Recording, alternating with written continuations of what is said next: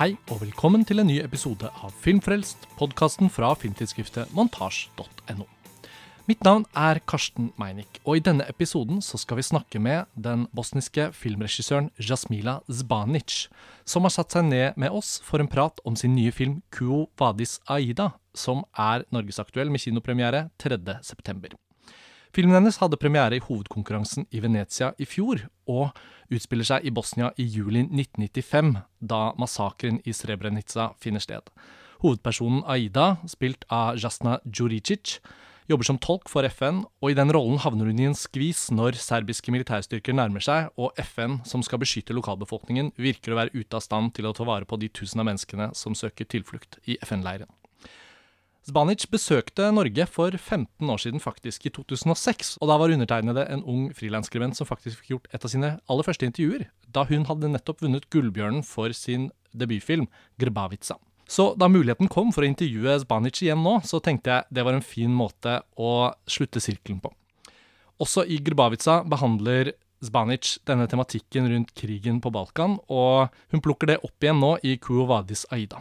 Parallelt med det så har vi nå i slutten av august 2021 sett Taliban ta tilbake makten i Afghanistan, og evakueringen fra flyplassen i Kabul har farget nyhetsbildet nå i disse dagene da jeg snakket med Zbanic. Og det er umulig for meg å ikke trekke det inn, ettersom bildene på nyhetene minner såpass mye om det som utspiller seg i hennes film Kuo Vadis Aida, som da får en ny og relevant aktualitet nå som den skal gå på kino.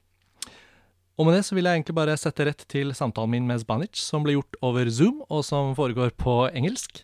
Eh, god lytting.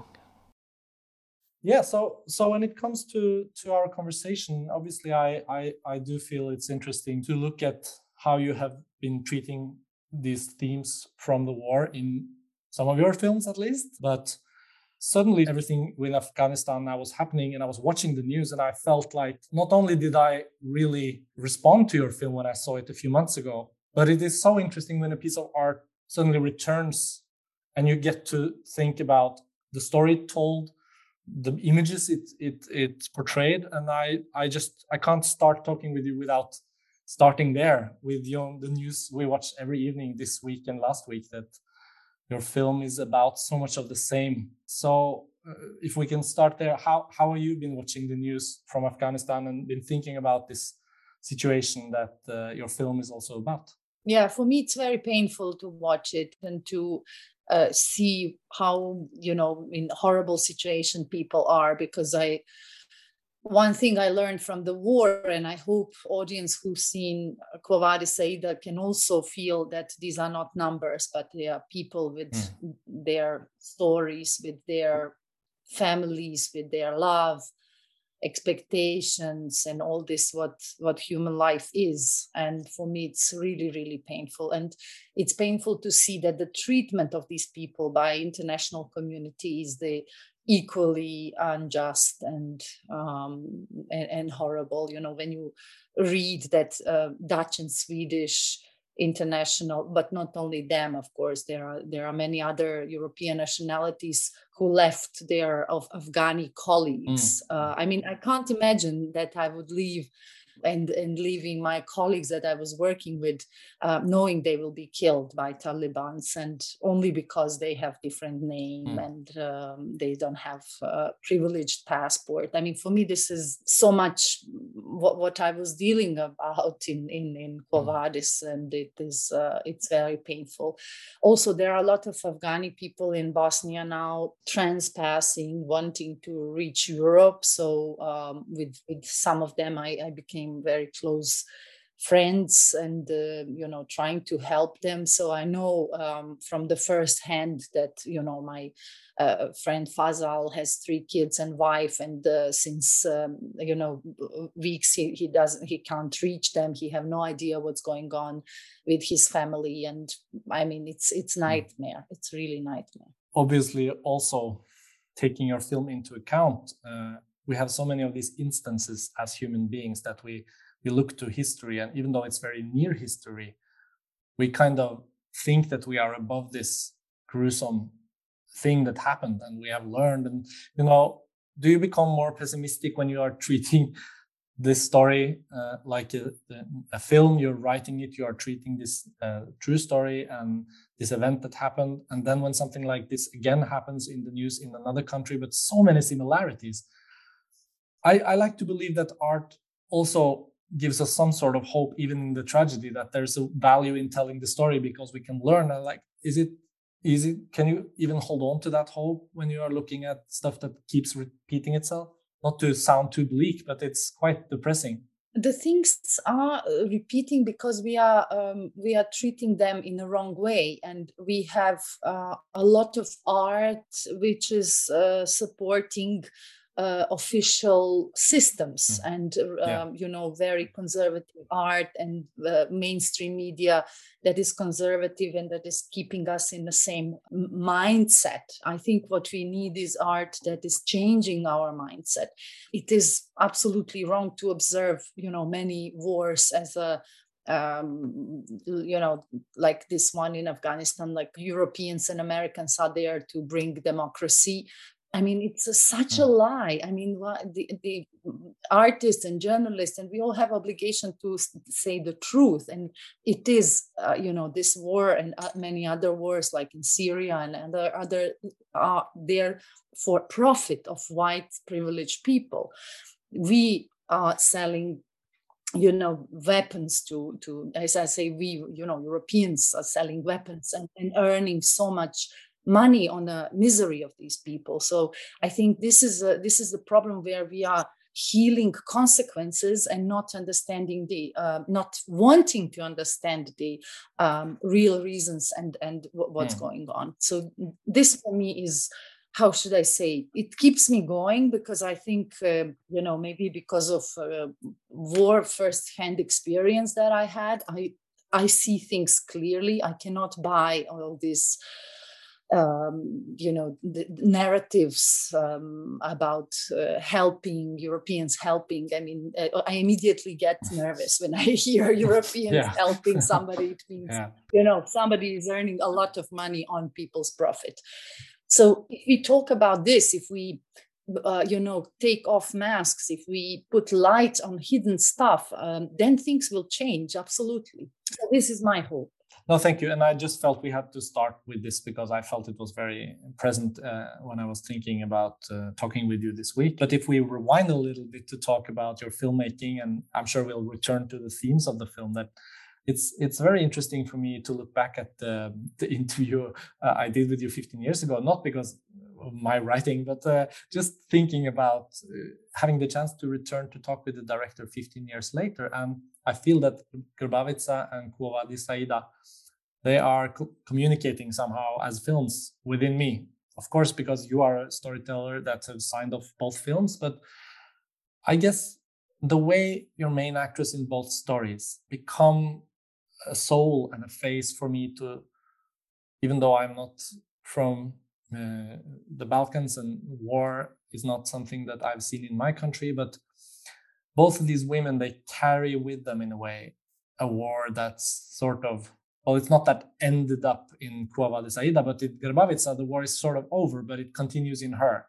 And you, you said something to that effect in, in the interview 15 years ago. And I believe this time that the same thing happens in a way because of your focus on her as a human, as a character, and the way you work with this actress to kind of keep her as our perspective, but also the human heart that makes all of us, wherever we are from, engage in what the, the story is about.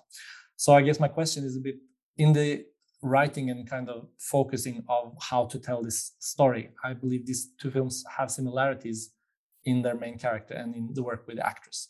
Can you talk a little bit about where you start and how you, you know, work with the actress to to get to that point? You know, Srebrenica as a subject is very big, and I thought, you know, you can make plenty of different and interesting perspectives.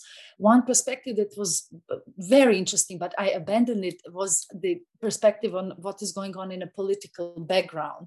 You know people don't know much about uh, it was like a thriller mm. of uh, which countries are more powerful which interests are more powerful and from above it was affecting people. So this was my first uh, thought maybe i should do this to disguise this kind of stuff. But uh, then i thought no i want i want to talk from human perspective from the human level um, because i would love audience to connect with Aida as as a woman, as somebody who is trying to rescue her family, because this is feeling that everybody has. Eh, that doesn't matter if we are in a, a, war or not, but you know, even if you are in a football playground and your your son is um, attacked, you know, there is this urge to protect um, and especially if the whole system is against how to how to deal and is it possible as an individual to deal with this.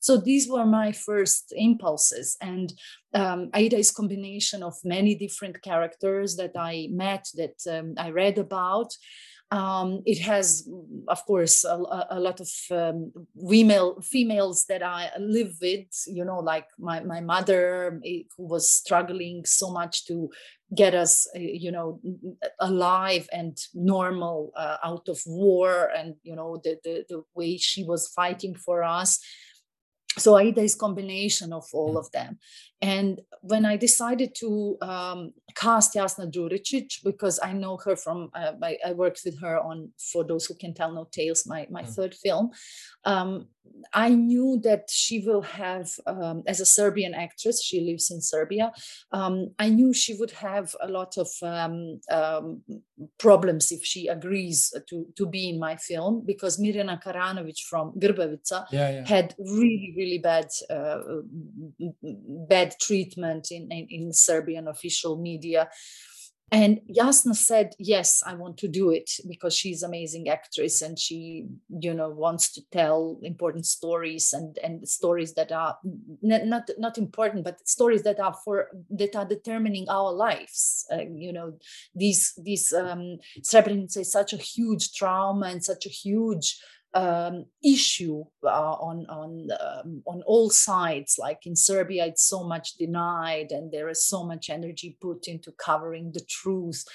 So that that was um, the, two main decisions that I had to do. You know, to go from human level perspective on uh, of a woman to show the war through very female um, description of the war, uh, which is not uh, sensational, spectacular, erotic, like many of uh, my male colleagues show the war. My feeling of war is absolutely uh, different mm. and um, to have such amazing actress uh, to to to carry on all the stuff for preparations you know i didn't want her to read too much of course she's from serbia so she heard a lot of things knows, but yeah. but i wanted her to to really believe in un and to believe that her sons will be rescued so that we that uh, people you know still feel it's a it's a thriller because um, you know they there are so many decisions that can mm. go like this or this and depending on these decisions the lives of people uh, will, will, be saved or not. Mm. so we didn't prepare much in this uh, way that she would uh, meet a lot of women or, or, stuff like that. It was more preparation on um, how you know to to build relationship with her family. We were um, you know having a lot of rehearsals in their apartment um, they would um, um you know her two sons and and a husband uh, all these four actors we would um, we would have uh, improvisations how um, Nihad and Aida met, yeah. how they fell in love, how they had first kid, when they bought first car, you know, all these things which are not in mm-hmm. the film, but help actors to have uh, family background and family history. And then once we were on a, on a set, when the set was built, um, we had possibility to do rehearsals uh, there because we we were shooting in very very difficult circumstances um, and didn't have a chance to have continuity in the shooting so sometimes we would have um, you know, first scenes where uh, family is kicked out, and then in one month we are filming the family is getting in the base. So that this can be really, really tough. But we managed to do whole rehearsals in, in continuity so that actors and me remember the level of emotions and uh, rhythm and movements. So this was really great that we had time to uh, do rehearsals and to prepare. Mm and there's so many interesting aspects in regards to you as a filmmaker because uh, if we if we have talked a little bit about now the themes and, and, and the inspiration and the responsibilities as an artist you feel towards the truth of the story there's also the incredible balance and, and control of film language that you really express here. I remember this from Grbavica also to be present there but i know it was your breakthrough film and since 15 years i'm sure you've feel that you've learned even more or you know experienced more as a filmmaker but to to tackle this type of time frame that you give the story it's not only the huge uh, thematic overlays and the whole situation and uh, the genocide and you know the thousand of film you can make from this but the choices you make to to tighten kind of the time frame and then within that still talk about the larger issues it also is conveyed in your filmmaking like how you work with the cinematography how you balance the close-ups with the whole huge pictures of giving us the feeling of that enclosed camp and, and the spaces. I'm some people describe it like genre filmmaking as a thriller but in a way i think it's beyond that. Because of the humanity in her and our natural sort of engagement with her destiny and her role it becomes very suspenseful but not in a genre way. I i i just yeah it's very original in that way i think uh, can you talk a little bit about those those choices as a filmmaker, like thinking about, for example, genre, and do you want to make it explicit to to be working very uh, like that, or have you made some mm-hmm. choices to to remove some of those things, like using music, using camera? You know, it is a huge drama, but I really wanted to uh, make it into the action and um, to use elements of thriller uh, with audience thinking, what's next? Yes. You know, what is coming I, I, want to know what will happen. Um, and this took me a lot of time to construct because um, I, I, choose purposely the character that has active role. She is translator, yeah. so she's between uh, Bosnian world and UN world because I wanted to show both of them. Uh, one depends on the other, and this was very important. So the tra- role of translator was giving me that bridge and uh, though story is um, personal i knew i have to make it larger into in order to understand that this is just one story in 30000 destinies that were at the same time in in july 11 there. So we knew we have to have uh, certain scenes where we will show this massivity and uh, you know pr- preparing the production. We were of course aware that you know it's a very um, low budget film in a in a uh, sense like when we were you know in um, LA uh, in, in yeah. this Oscar uh, night we were talking we were talking to some producers and when we say we made film for 4.5 um, million euros uh, they said so it means you didn't pay anybody? And we said no no we paid. We paid everybody. Yeah. it's just you know that we had to yeah. find way how to how to do these things. Um, and we knew okay in order to to understand the tragedy we have to have several scenes where we will hear we will see this mass and for that we put really a lot of energy. We had 500 extras a lot of vfx so we worked on that and planned every moment of it. Um, as, as i said i was lucky to have a lot of rehearsals with actors. So actors were ready uh, when the when we prepared the set. And then we could really focus on uh, you know the, the visual and, and everything that that it works. One very important element in, in construction was um, how to have feeling that these 30,000 people are all the time there. So we put a lot of energy in uh, creating the sound you know with sound with uh, certain images that you see a little bit of mass but of course it's no. not 500 it's uh, not 30000 it's um, five people there but you think because you've seen it already that there are many. And we constructed uh, we, we worked a lot on sound. I, we had a lot of layers sound from the production where we had 500 people then sound from youtube footage that we found yeah. uh, documentary footage that we found then we had uh, sound of ocean sound of bees you know everything that gives you this um, massivity um, we, we used yeah. because i really wanted that people um, don't feel um, that, that it's um, almost genre film because it is i think easier for audience to get in no it's interesting to me that genre is in itself a way to kind of advance film language through these channels that every audience member in a way have access to. And then when you bring them through that kind of tunnel you can serve them all these kinds of things uh, yeah. almost like a like a trojan horse only in a good way. But um no I, and what you when you talk about sound uh, it's also so well made to create the feeling of moisture and smell and stuff that you can't really film.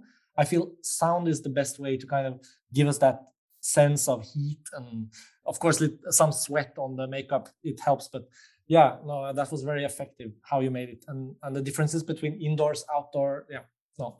Um, so i was really engaged with the film. Um, another thing that actually i was looking at the old interview was that at that time neither karadzic or mladic was captured. So you were you were talking a little bit about no one has been brought to justice no one's i mean there's no reckoning yet and even though there's been these major people captured and, and brought to Hague, I'm quite sure that there are many unanswered questions still in regards to what happened in Srebrenica. How do you compare the events of the last 15 years between these two films in terms of how society reckoned with what happened? Yeah. Look, I you know Mladic was sentenced only this year.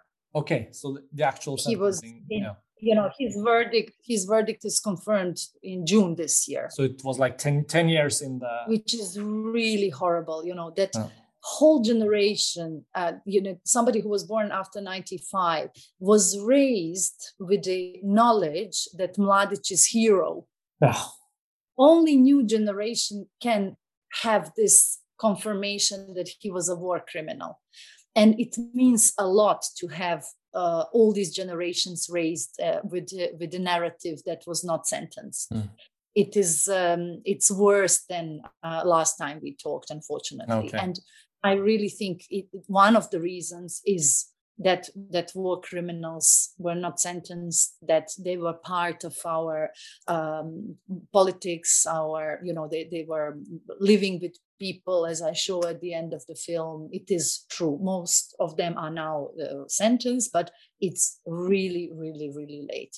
But still i i think this um, the, the you know the, the fact that they are uh, tr- that there was a trial that trial had thousands of pages of documents will help our region because even though a lot of energy is put into denial uh, from from uh, Serbian political po- politicians, um, you know there are certain cracks in their narratives because um, I noticed young people how they observe my film and they, for example, I got a letter from um, a woman from Serbia and she says um, woman who is uh, who is Serbian, and she says, um, you know, I knew I grew up in this narrative about Srebrenica, and I always felt something is weird about that.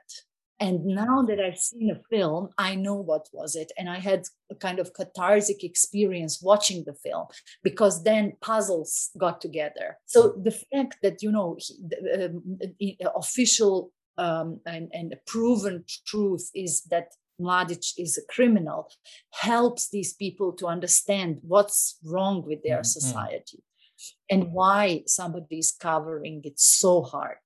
It was incredible when we had film in Venice. We checked because it was still Corona, very, you know, it was just after the pandemic, and uh, it was very hard to get in Italy. Everybody who was not from EU, like Bosnians and Serbians, we had to stay 15 days quarantined somewhere before entering Venice, you know. So um, we were wondering if any Serbian journalist um, entered Venice Festival, and um, office told us no, nobody is here from Serbia, because you know we were preparing press conference. My actors, main actors, uh, Boris Isakovic, who plays Mladic, and Jasna are from Serbia, so we wanted to be ready. You know what what can happen at the mm. press conference. So nobody was there. But on the same day when we had the premiere, there was a horrible um, review about our film in Serbian press, all over this official uh, news.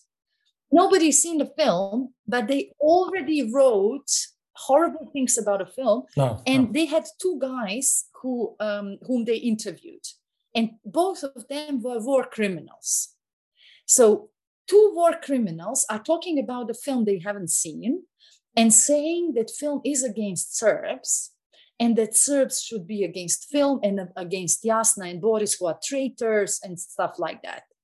And I understood from that moment what they, what they are doing. They're putting their own crimes on all Serbs. You know, they're, they're, they especially with young people, they are, they are giving them their crimes as if it's uh, crimes of young people. And I was thinking, what young people have to do with you guys? Nothing. So my first premiere, the first premiere in our region, I did uh, for only for young people, no politicians, no VIPs, just people who are born after genocide, because I wanted to tell them, you have nothing to do with this. Hmm. Even you know, if you are Serb, you, you you didn't commit a crime. You were not born. Yeah, yeah, yeah. So you know and if you are a bosnian muslim you are you're not victim because you're your your people are victims it's not true mm. you have to know what happened mm. but you have to emancipate otherwise you are the slave of narratives and this went really well uh, as, a, as a message to to to to or way how we promoted the film that a lot of people in serbia uh, wanted to see the film uh, and they they they seen it with the with the open heart not uh, believing these criminals who are saying it's against you but you know they were they were watching it and we got a really a lot of good reactions. So you know, when you ask me about time changing during Grbavica time, we were not allowed to show the film um, in, in, Serbia. There was just one screening uh, where um, Serbian boys came with a T-shirt of Mladic and Karadzic, and they tried to stop the the um, cinema projection. And this time, uh, distributors again were afraid. I think they were even more afraid than, than before. But we had, due to pandemic, we had VOD platform, so a lot of people seen uh, seen a film, and I think things are changing. This is very interesting. I'm just uh, letting you speak. I have no follow up questions just because I was not aware of all that process. Because from Norway, you know, it's hard to to get news about certain releases in local countries. We get mostly the festival news, and and but I do think it's the more it's possible to learn about how many points that can be of you know of controversy because it's created by someone who has the opposition to a, let's say a film and and like this so i'm very happy that you tell this because it will hopefully our uh, readers and listeners can learn a little bit about that process. And um, i know that time is running out so i thought like to end and summarize in a way i i really cherish what you are working with across your films. And uh, to follow you as a filmmaker means also for me as a bit of an outsider to all these elements of the Bal- recent balkan war history. It's it's not only about the wars it's also about what what you are portraying of sort of your people but also the human dignity and the connection to each other I, I believe there's some hope there anyway. That's a, always how I felt about Grbavica. And even though I do feel that um, the suspense and the uh, immediate tragedy in this film actually hits even harder, I'm really, really happy I can watch these stories through your films. Without your films, I don't know if I had seen them. So just wanted to thank you for them, and I encourage you to keep keep making them. Thank you. And if I may add something, because yes, um, please. we had um, we had this uh, fund from Norway, which helped the film. Yes, that's true. Yeah, Torden Film was your co-producer. It would be great to mention them because it's um it's a really nice for filmmakers to to get connected with Norway in this way, but Yeah. also it was helping us you know with the with the production because it was very difficult. We had nine countries co-producers Yeah. so norway is one and it, i'm very happy for that. And i just wanted to to to, to say that um uh, you know when you say hope at the end of the film you know we are showing that young people can have their eyes closed or open. So there is a lot of possibilities to change stuff Hmm. and um, i think in order to change stuff we have to change narratives Yeah. Oh, and thank you very much. We the film is opening in Norway now in September, and uh, actually, my magazine we are going to Venice next week to look for new films. Last year, because of the pandemic, we only could have a freelancer there, so we watched the film when it came to Norwegian festivals this spring.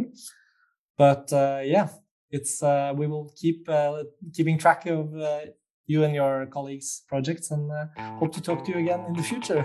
Let's see where we are then. yeah thank you so much Thank you. bye bye Bye.